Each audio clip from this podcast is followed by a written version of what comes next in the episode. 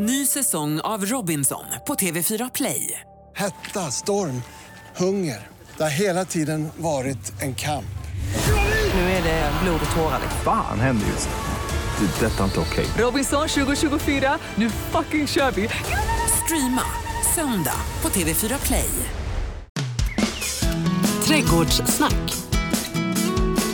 Ja, då är vi åter tillbaka ut i trädgårdslandet och eh, Annika Sjölin med min vänstra sida och Västra Frölunda stolthet höll jag på att säga. Eller i varje fall Göteborgs, alltså västkusten, Magnus ifrån Flygen Plantfop. Hallå igen. Tack så mycket. Ja, alltså, är, vilken är liksom egentligen, om vi ska vara geografiskt korrekta Magnus, var du alltså var någonstans uppe i denna... Var, var i Göte Ja, tänker ja, du? Alltså, det är ju östra stadsdelarna Ja, som jag har eh, haft min uppväxt och alltihopa. Ja, Så okej. att det är inte riktigt, eh, Frölunda är ju ändå, då får man ju åka Om vi är mer specifika med den östra delarna. Gator, gator, stadsdelar, alltså Björkekärr. Björkekärr, Ja. taget. Det känner du till Annika? Absolut inte. Nej, Göteborgs botaniska trädgård, ja. ja precis. Det har varit Ja, där det som, jag som varit. turist ibland eller? Ja, just det. Ja, bara en sån sak. Ja, eh, det som inte är värt att veta om magnolier, eh, det är inte värt att veta när det gäller Magnus. Alltså, du, vi har varit i detta programmet tidigare och pratat magnolier. Vad är det som är så fint om du ska sammanfatta liksom med ett par korta ord Magnus? Att det är en unikt spännande växt eh, som då har funnits på jorden så länge. Då. Det är oftast något man relaterar till 100 miljoner år. Och att den har haft en väldigt liten utveckling och att de är kvar då. De står i Kina, de står i Japan och de är i USA. Och det innebär att vi har inga automatiskt eh, i Europa överhuvudtaget utan då är de införda och det, det skapar en fascination. Vilken införsäljning Magnus. Jag blir sugen på att skaffa mig en stor magnolia ute i trädgården om jag hade haft plats. Ja men tänk dig där att man är kines och så helt plötsligt eh, är, går man på ett nytt ställe och så oj, 1989 där hittar man en magnolia som man inte visste om fanns. Ja, de som bor där vet ju att den finns för de har ju sett den alltid men de visste inte att den var ovanlig så de har inte sagt något till oss andra. Så Nej. sådana saker är, Är, är, fascinerande. är det så? Alltså att, det- Jajamän. Ja. Vi hittar fortfarande en del eh, nya varianter som eh, då kan tillföra nya egenskaper i blomningstider, blomfärger som, och det, det skapar ju en fascination tycker jag hos Så det är nog forntidens absoluta nästintill alltså? Ja, alltså de är ju före de flygande insekterna för den är skalbaggepollinerad. Så att innan eh, liksom, det, det fanns några, någonting som kunde flaxa runt då, som en fjäril eller ett Ja. bi eller humla Ja. då. Utan, eh, och det räknas alltid då eh, barrväxter och de här magnolierna räknas som de mest primitiva i naturen då. Fin- Finns det någon sån här spår av någon magnolia? Du som är så här magnolieforskare, då låter det som... Men alltså, finns det några spår, som första spåren som man kan hitta liksom ifrån? Ja, de finns ju i fossil eh, och de är ju konstaterat eh, liksom, och idag bygger man ju faktiskt upp en divonträdgårdar då om man kan sina sådana här krita, trias och djurar och Ja, allt ja, vad de ja. heter. Så i Tyskland har man anlagt en del divonträdgårdar och då hamnar tulpanträd, magnolier och en hel del barrväxter i dem just för att de har en primitiv byggnad och är, är liksom kvar som en rest kan man säga. Därför är det ju fascinerande att man då som nästan tar in det som en nyhet när de alltid har varit där. Men om man, som man nu då som glad magnoliaamatör då ska kasta sig rakt ut i detta virvar av blomster, alltså var skulle man börja någonstans? Ska vi få något tips Magnus? Eh, Jag tycker ju faktiskt att det vi säljer idag är väldigt stabila, bra grejer för, för den vanliga hemträdgårdsägaren samtidigt som det kan kittla nerven hos den som har hållit på ett tag. Eh, de vi säljer mest av, de är lättodlade tacksamma, klarar rätt så stora toleransnivåer på sol, skugga och vind och liknande. Men inom gruppen finns det sådana som är riktigt, riktigt kinkiga så vill man gå upp ett pinnhål så går det. Ja, ja. Den här du pratade om, den som de upptäckte i slutet av 89 där, liksom, alltså, går den att köpa i butik idag? Eh, I Sverige är den lite svår att, att köpa då men eh, eh, ja, jag och en kompis, eller det är egentligen Ja. han mest, Erland. Eh, Vi försöker ju korsa fram ny, det som är intressant med denna 89ans upptäckt är ju att den blommar vid ung ålder och eh, det gör ju att det här blomning snabbt är ju någonting som man gärna vill ha med sig om magnolier. För det här att jag själv då plockar frön och så tänker man om 25 år så kommer den här nog blomma så får jag se vad det är. Det är inte alla som vill ha den framförhållningen och då försöker vi få in egenskaper från de här lite mindre lättodlade tacksamma magnolierna. Om, om vi nu ska namedroppa, vad heter den här 89 som du kallar den? Eh, Magnolia sinostilata. Alltså den. Den känner du till. Absolut. Finns ju- heter den ju egentligen för det är Chinatown då. Vad sa du? så att- Det sa du. Ying Ning och det är ju det kinesiska namnet på, om man översätter det direkt så blir det Chinatown och det botaniska namnet till sinostilata. Ja, just en sån. Och tålamod är ju någonting som, alltså, jag Ja. märker ju att det är någonting som, ni- bara ni, så du pratar så här 25-30 års perspektiv. Eh, inte så kanske som undertecknad som är lite mer av trädgårdsvärldens fast food-kille. Ja, Eh, vi, har, vi är olika. Ja, Men vi får lov att vara med allihopa. ja precis. Så om vi då skulle, om vi skulle försöka hitta på någon som, som eh, du skulle kunna få tag i då. Ja. Alltså, har, du haft någon, har du någon magnolia? Nej, aldrig haft. Nej. Eh, jag har inte haft en, alltså jag har gått och tittat på de som är duktiga. Al. Al, Alnarp, jag åker bort till Alnarp och tittar på magnolierna där borta. Punkt. Och så åker jag ibland kanske till Sofiero också och kollar på lite magnolier. Och i Lundagård. Där, de är duktiga på, på det. Ja, de är vackra då Ja. när studenterna sjunger så Just det. Men alltså, Där har vi ett jättedilemma för att det är ju det här att den som är den kända magnolian är den som man sjunger framför. Ja. Och, och den är ju, det är ju en fransman som har korsat fram den då, eh, fy. början 1800-talet. Så att den är ju inte så, den är inte så gammal och den är inte friväxande utan det är ju en korsningshybrid då. Eh, Och så har man valt den och då är den signifikativ precis som en lila rhododendron är liksom ursprung men de är ju sällan det. Nej. Så det är väldigt svårt att sälja någon annan magnolia än den som man sjunger framför. Och den är inte mest lättodlad. Den är lite, lite kinkigare än eh, en handfull andra. Susan, eh, Dr. Merrill. Leonard Messel som vi säljer av. doftande magnolier, det sitter jag och funderar på. Det är som blommor så vill man gärna ha lite doft. Finns det sådana? Det gör det naturligtvis. En del är ju lite diskret doftande men det är ju att doften hänger ju egentligen ihop med flygande insekter. Nu ska jag imponera på någon som håller på att flaxa förbi, liksom en skalbagge som eh, löper mellan träd, inte lika intresserad av doftämnena. Så det hänger ihop lite med pollineringen. Att Vissa har utvecklat detta på senare år så där är några varianter som doftar men det är nog inte för våran räkning som de doftar. utan- kom och ta mig. Wow. Det är kärlekens mirakel, lite så. Ja, definitivt. Ja, något vis. Vet du förresten, om kärlek, alltså vi ska prata kärlek om eh, ett par veckor, då ska Magnus Oj. hänga med igen. Så ska vi prata om flickor, pojkar och sex och alltihopa. Hur, hur lockande kan inte det vara för vissa? Uff, nu blir jag lite rosig över kinden Blev där. du det? liksom. Men Ska det var inte meningen. Vi prata om blommor och bin? Jag kommer ihåg när vår biologilärare skulle ha sex och samlevnad när jag gick på högstadiet i Ulricehamn. Herregud alltså. alltså Mm. var han, svårt för ja, han, honom. alltså, han var en jätteduktig biolog liksom, men när han skulle sätta på ett, en kondom på ett provrör och det liksom. Det var svårt. Det var väldigt jobbigt kan Ja, jag säga. ja. Men det, det här är ett familjeprogram. Där vi kommer i ett senare program prata om lite mer på det här. Eh, eh, vi vänder blad som kungen sa. Eh, beskära magnolier. Mm. Hur gör man? Alltså jag gissar, för nu är vi i den här tiden. Jazzsäsongen är ju slut visserligen, men ändå. I Sverige har vi ju så pass svalt klimat så väljer man de här vanligaste magnolierna vi säljer mest av så brukar inte beskärning inträffa de 15-20 första åren. Eh, nu har det kommit på marknaden lite mer kraftigväxande magnolier som kanske har lite andra färger som man kan bli tvingad att klippa för de blir lite för stora på sin växtplats och det är alltid okej. Eh, det handlar ju om att gestalta sin trädgård men man ska ju alltid klippa med viss kunskap, alltså inte bara fara ut och, eh, med sitt nya verktyg som eh, kan göra allt och meja ner dem utan jag tycker ändå man ska ha en viss Är du respekt. inne på någon slags såg då? Alltså röjsåg Ja, eller så jag har i sett tigersågar eh, för reklam, liksom hur de mm. mejar ner allting. eh, Så att, eh, jag tycker ändå en vanlig... Smärtar det ert trädgårdshjärta när ni ser sån, alltså lite den? Alltså, Förfärliga beskärningar, Ja. ja. ja. Ja, jag blir, jag blir ofta alltså, Man- lite så ledsen och, och växtens vägnar när det är, är illa gjort. Men sen om man beskär just för att man ska få plats med en växt som man gärna vill ha i sin trädgård, alltså det är ju lite annorlunda.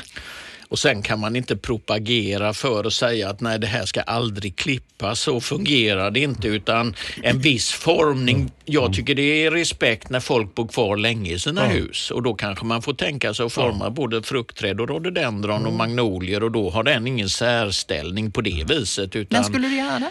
Eh, nej, jag gör det gärna under JAS. Eh, det, det är ju det här att de har lite sämre läkförmåga och det gör ju det att eh, det är bra att ha en rejäl bladmassa i plantorna man beskär och att den finns kvar en del bladmassa som hjälper till att läka de snitten man gör.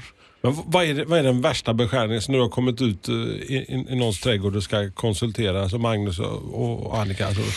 Eh, alltså, om man inte säger, man, jag vet en bostadsrättsförening som hade en vaktmästare som höll undan frukten i 30 år på ett plommonträd för han klippte av alla blomskotten. Och, och sen då när han hade gått i pension så två år efter så var det många som oj vilka fina plommon här är. och det är klart att eh, han klippte ju, hans syfte var ju naturligtvis inte att ge folk, han ville nog inte kratta plommon och, och kanske gjorde det med vilje eller också så kunde han inte alls. Han var utan- dum i huvudet rent sagt. Nej, han kanske var väldigt listig. Han ville inte ha jobbet med att kratta blommor. Ja, men det, är, det är lite roligt hur, hur olika seende och olika idéer man kan ha. Jag tycker man kan klippa in en magnoliagren och ha den inne i en vas och sånt här och då gör man ju en form av ansning, beskärning under löpande gång så att man kanske inte behöver ha det där att man brottar ner dem helt och hållet utan man gör en, en slags gallring då. Ja, för det, alltså det viktiga som du säger tycker jag är just att man måste ha bladmassa kvar för att det är så trädet liksom skapar sin energi och de måste ha någonting kvar. Så de här radikala beskärningarna när man skär in jättemycket, Ja. så det inte, alltså en stympning liksom Ja. på en sån växt, alltså det kan ju inte bli bra. Utan du måste ha någonting som kan, alltså något maskineri där som kan köra runt eh, näringen. Ja, en del, en del ser det ju bara som att man ska vara rationell och det, Ja. där är väl inte... det är ju- Medelålders män med motorsåg. Fördom eller? Nej, jag vet inte. Det finns en del resoluta kvinnor också skulle Ja. jag vilja Det. säga. Så att, eh, eh, nej, men just det här att man kanske ja, man är lite försiktigare. Just att en planta överlever är liksom inte okej för att man har gjort sitt jobb rätt. Men har man skapat den upplevelsen man själv vill ha när man fikar i sin trädgård så Ja, ja. är det ju alltid okej för en själv. Ny säsong av Robinson på TV4 Play. Hetta, storm, hunger. Det har hela tiden varit en kamp. Nu är det blod och tårar. Fan händer just nu. Det. Detta är inte okej. Robinson 2024, nu fucking kör vi! Streama söndag på TV4 Play. Ett poddtips från Podplay. I podden Något Kaiko garanterar östgötarna Brutti och jag, Davva, dig en stor dos skratt. Där följer jag pladask för köttätandet igen. Man är lite som en jävla vampyr. Man har fått lite blodsmak och då måste man ha mer. Udda spaningar, fängslande anekdoter och en och annan arg rant. Jag måste ha mitt kaffe på morgonen för annars är jag ingen trevlig människa. Då är du ingen trevlig människa, punkt. Något Kaiko, hör du på Podplay. Därför är gardinerna.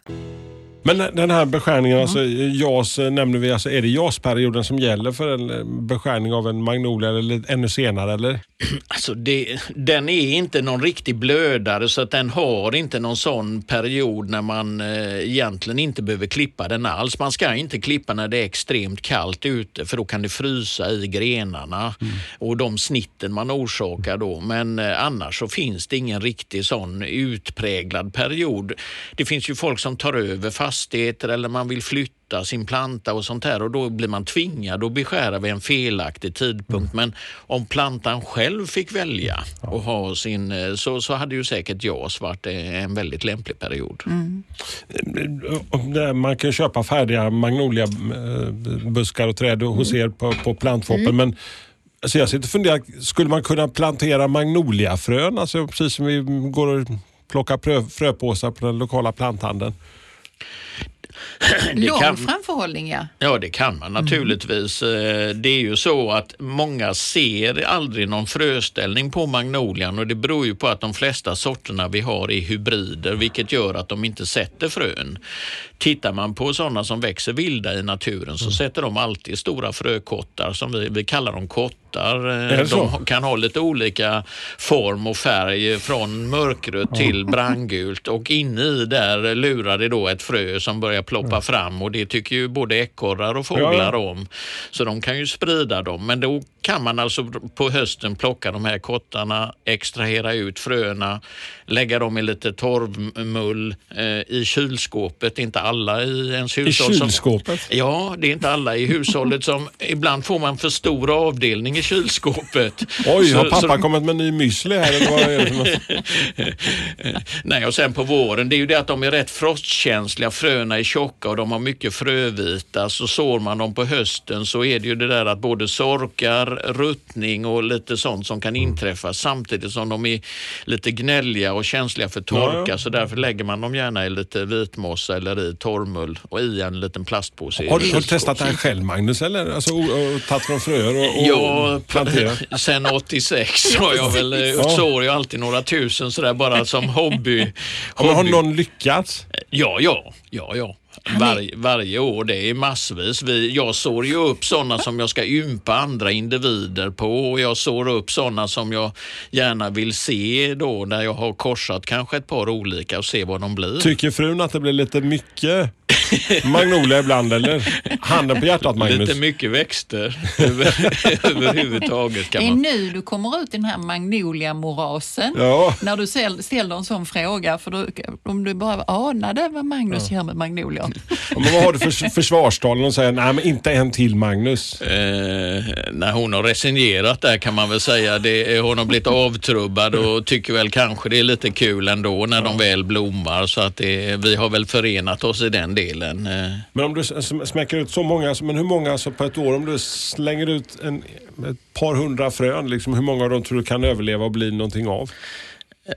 Man har rätt så bra grobarhet i, man sållar ju bort de dåliga. Det är väl det att vi försöker ju samla frön på sådana som är lite svårare och där får man inte alltid så mycket grobbart frö. Men eh, det kan gro 70 till 90 procent och kanske 90 till 100 nästan på vissa av de mest lättodlade. Men eh, det är ju samma för alla så att då är de ju vanligare på marknaden. Det låter som att du har en veritabel skog där hemma. Ja, det har jag ju. Det, det, de eh, är ju alltid på, på väg i kapp. Men jag har ju också en vass såg och bra Ja. sekatör så jag gallrar ju i det. Men hur, hur många, hur många, alltså om man nu skulle bara slå en uppslagsbok, hur många olika sorters magnolia finns det där ute idag som är kända? Alltså arterna är inte så väldigt många. Alltså det är de som växer vilda i naturen på olika ställen. Där det är en eh, fem, åtta stycken i USA och en fyra, fem stycken i Japan och så är det flest i Kina då. Sen rör de ju sig in i tropiska, halvtropiska områden, sådana vi inte kan ha. Men sen då eh, det här med farbröder och tanter som tittar på imponerande blommor och tussar ihop dem för att skapa nya. Det är ju där den stora mängden uppstår egentligen. Så eh, där är ju eh, arboretum ute i Europa, i Belgien framförallt där, där man eh, uppger att man har 800 till 1000 olika namnade sorter och i Magnoliaskogen i Alnarp som man kan besöka själv som besökare om man går runt i parken. Där har vi ju planterat ut eh, 1240 korsningar då. Nya grejer som då ska ge en ny blomning i olika storlekar, i olika färger som vi hoppas kan bli framtidens magnolior. Men det som, om vi ska hoppa ner i den här vardagen eh, som vi har på plantskolan så har vi väl, vad har vi, en 10-15 olika Eh, 10-15 stycken ja, har vi. som man kan välja med och det räcker ju för de allra flesta. Eh, alltså att bara försöka välja bland dem. Eh, och då kan man ju tänka sig att om man nu skulle vara magnoliafrälst och vill ha lite fler magnolior, om man nu skulle sprida ut blomningen, vad skulle vi säga till dem? För det är ju ändå så att blomman är väl det som är liksom hänförande på magnolia. Sen växtsättet och så är kanske inte, eh, ja, Nej, behöver vi inte har- vara lika vi, intressant. Man kan ju använda trädgården där, där är magnolier som vill stå nästan i hel skugga Mm. eller väldigt vindskyddat och det är de riktigt storbladiga sorterna. Hel- Helikoptermagnolian och paraplymagnolian och sånt Men där. som- junimagnolia då? Ja, Ja, det är samma för det där. brukar vi ju ha. Ja, den har ju Så då har vi 40 en till skuggis där. 60 centimeter långa blad och är lite sån där som helikopterblad högst upp på en gren och, och fantastiska blommor i juni månad. Ja, den, den heter ju junimagnolia Mm. för att den blommar i juni. Men det där är ju sådana som blommar i juli, augusti också så att eh, det, det är inte slut där. Utan de första växer ju till liv någon gång i mars, eh, ibland för tidigt för våra nattfrost eftersom eh, blomman är lite frostkänslig då. Och det är väl det är då man kommer in på sånt som är praktiskt. Alltså om man nu vill ha en, en magnolia och den blommar tidigt. Så det här med, när vi säger skyddat läge, det har ju en betydelse för sådana saker. Alltså är det ett skyddat läge då kanske man har mindre besvär utav den här sena frosten som kan förstöra blommorna och så. Och då kan det just vara en fördel att tänka först, var ska jag plantera min magnolia? Vad är det för Eh, typ av jord vi pratar om eh, för en optimal magnoliaplantering? Ja, det beror på om man googlar det eller om man frågar mig. Frågar man dig då? Vi frågar dig och så får jag höra om jag har samma Frågar åsikt. man mig så är det ju så att eh, eh, eftersom det är en gammal växt så har de en rätt primitiv konstruktion på roten också och det är rätt så köttiga rötter så de tränger fram väldigt dåligt i packade tunga jordar och de tycker inte om de riktigt sandiga jordarna för de håller för lite mat. Så att en mathållande jord, alltså en lite fetare kompostliknande jord eh, med högt innehåll av kompost, kogödsel, gräsklipp eh, eller att man köper då en bra plantjord, blandar den med barkmylla och, och kogödsel. Det är ju väldigt optimalt. Så lucker, näringsrik, väldränerad. Alltså det är det jag ofta håller på att tjata om. Så det låter ju som att vi är väldigt rörande Men den, den där. unga lilla magnolian som man då sätter ut där och planterar ut. Mm. Vad, vad pratar vi om för utrymme om man nu tänker att det här ska liksom på sikt kunna bli en rejäl pjäs? Alltså hur mycket ska man planera för? Alltså gäller du tänker gräva... Alltså, Både gräva djupet och gräva ner och framförallt eh, själva Plats. ytan man ska räkna att den, när den väl är fullvuxen. För där är ju så olika storlekar på magnolier när de blir vuxna också.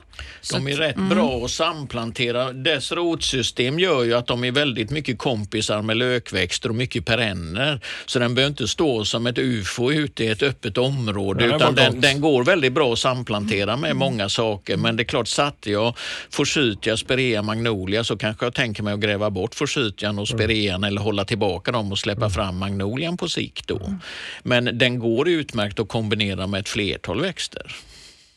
Men, men platsen beror ju på vilken magnolia du satsar på. Så det får man nästa fråga när man är hos oss. Just, blir detta en magnolia som är 15 meter hög eller blir det en magnolia som kanske blir 2-3 meter hög? För det finns ju Och vi tillverkar ju sådana på stam då eftersom folk eh, tror ju att de kommer in och väljer en IKEA-möbel. Jag ska ha en rockhängare, det ska vara ett litet stam och sen en liten Ja, krona och då har såklart. vi, så har vi ju sådana att sälja. Sen att de inte är uppfunna för att vara på det viset innebär ju att man får hålla på och jobba lite med dem. Men där har man ju också just den här, man vill ha upplevelsen av den här lite stora rejäla blomman då. Det, det, det fungerar. Och sen är det nog tidsaspekten för många också. Att då köper man liksom den här färdiga som vi lite ironiskt kallar rockhängare då. Eh, men då har man liksom en färdig grej och så tänker man nog inte 25 år framåt utan den här färdiga grejen ska man ha nu med detsamma och så tänker man kanske att men den kan nog vara fin i några år. Så, ja. Och då passar ju den nog bra. Ja, jag tror det som med alla växter, alltså det, det, i och med att det lever så fortsätter det att utvecklas och antingen utvecklar man ju själv sitt seende eller också så, så formar man ju sin trädgård efter hur man är som person. Så att jag tycker det fungerar alldeles utmärkt. Utan det, det är som med allting, det handlar om val egentligen. Då är det jättemånga som alltså har hört av sig just nu eh, medan vi sitter här och pratar och frågar vem vill ha sina rötter där? Annika Du Sjölin. driver med mig. Ja. Oj, det Som blinkar på vanligt. hela ljussorgen här med, på telefonväxeln. Svara! Ja, jag svarar. Jag tänker mig som sällskap, eh, lite det du var inne på Magnus, alltså sällskap till en magnolia som står i lite så lätt skugga. Eh, och då kanske man vill ha någonting som eh, kryper lite nära marken men som ändå täcker in. Så därför tänker jag mig en växt som skulle kunna bo där och då är jag inne på en röd sockblomma. Den har inte heller någonting emot den här jorden då som magnolian står i och den kan bli lite lätt skuggad av magnolian och det som är runt omkring. Lite trevligt sällskap för magnolian. Ja, och jag gillar ju Alltså om jag nu skulle ha en magnolia så hade jag nog inte heller satt den mitt i gräsmattan utan sällskap eller så, utan jag hade ju gärna puttat in den i någon slags miljö. Så då får den här eh, sockblomman tjänstgöra som någon slags golv under hela magnolian skulle jag vilja säga. Och då är den ju bra för att om du då planterar din magnolia och så sätter du den här röda sockblomman eh, en bit ifrån din planterade magnolia så kan sockblomman så småningom vandra lite snällt och vänligt in mot magnolian. Så man behöver liksom inte sätta dem kloss upp på varandra utan det kan sköta sig själv så småningom. De gör det själv. Men om man ska beskriva den här lilla röda sockblomman för de som aldrig sett så- den. Ja, det är lite synd om dem Ja. som aldrig har sett den. Den har ett förtjusande blad som är nästan lite så rödbrokigt och som skiftar över säsongen. Den är, tänk dig en bladmassa som är sådär 20 eh, centimeter Mm. ovanför marken och som sitter väldigt länge för att vara en perenn växt så är bladen där länge. Det är en fördel för då blir det inte så mycket eh, ogräs som hoppar dit där.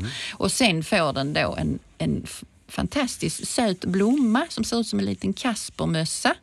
Eh, och själva den här kaspermössan då, vet du vad det är för någonting? En sån med Ja, klockor det. där Ja, ja, ute. som- ja, du ser lite frågande ut. Men narr ungefär så, ja. Narr heter Ja, han. Ja. Ja. just det, en narrmössa. Ja. Eh, och de får man titta nära på. Det är inte en sån, den är inte som magnolian så att den skriker på uppmärksamhet utan det är snarare så att man får lägga sig ner och titta på den då. Och de kommer ganska tidigt på eh, våren. Klipper ner den gör man. Ja, det kan man göra, men inte förrän... Alltså, om vi nu har den här röda sockblomman nu så är den fortfarande fin, vanligtvis. Nu. Så att den låter jag helt enkelt vara, så får det skrafset som eventuellt ramlar av där vid årsskiftet någonstans eller så ligga kvar. Och sen så står där lite spret eh, på våren och då klipper jag det innan blommorna börjar komma upp, för annars klipper du blommorna då. Så om du sätter dem så ungefär 30-40 centimeter från mitten på en planta till mitten på nästa och gärna många. Men vi pratar ju om den röda, men den finns ju i vitt och rosa. Ja. Ibland är folk så färgkänsliga att man kommer med en hel färgkarta. Eh, sockblomman är ju bra till snitt. Bladverket står väldigt fint om man gör en liten sån där prydlig bukett och går in med så man får plantera en magnolia till. Ja. Så att eh, det, det är ett exempel på användningsområden av de växterna man faktiskt Du odlar. gillar den också?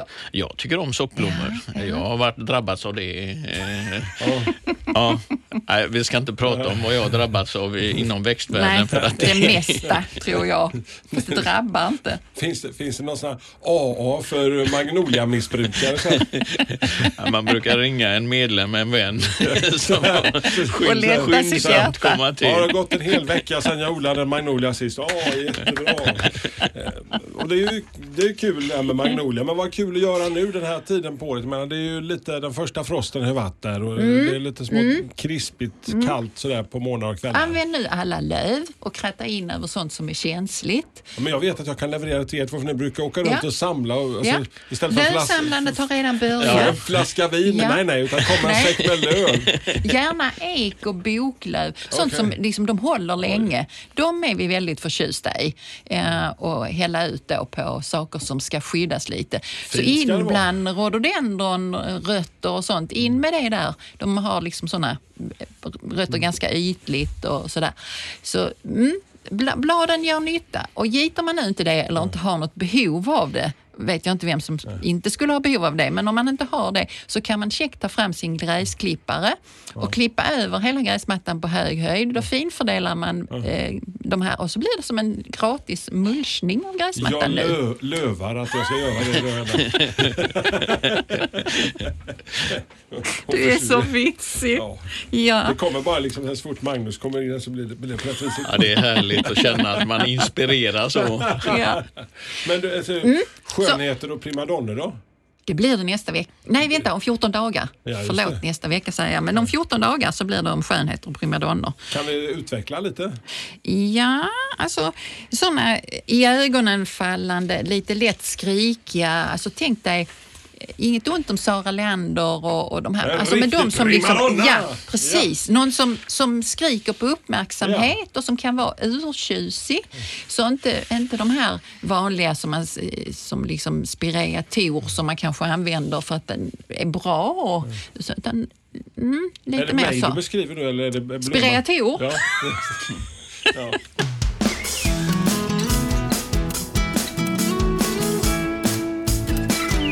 Trädgårdssnack. Ny säsong av Robinson på TV4 Play. Hetta, storm, hunger. Det har hela tiden varit en kamp. Nu är det blod och tårar. Fan händer just nu. Det. är Detta är inte okej. Robinson 2024, nu fucking kör vi! Streama söndag på TV4 Play.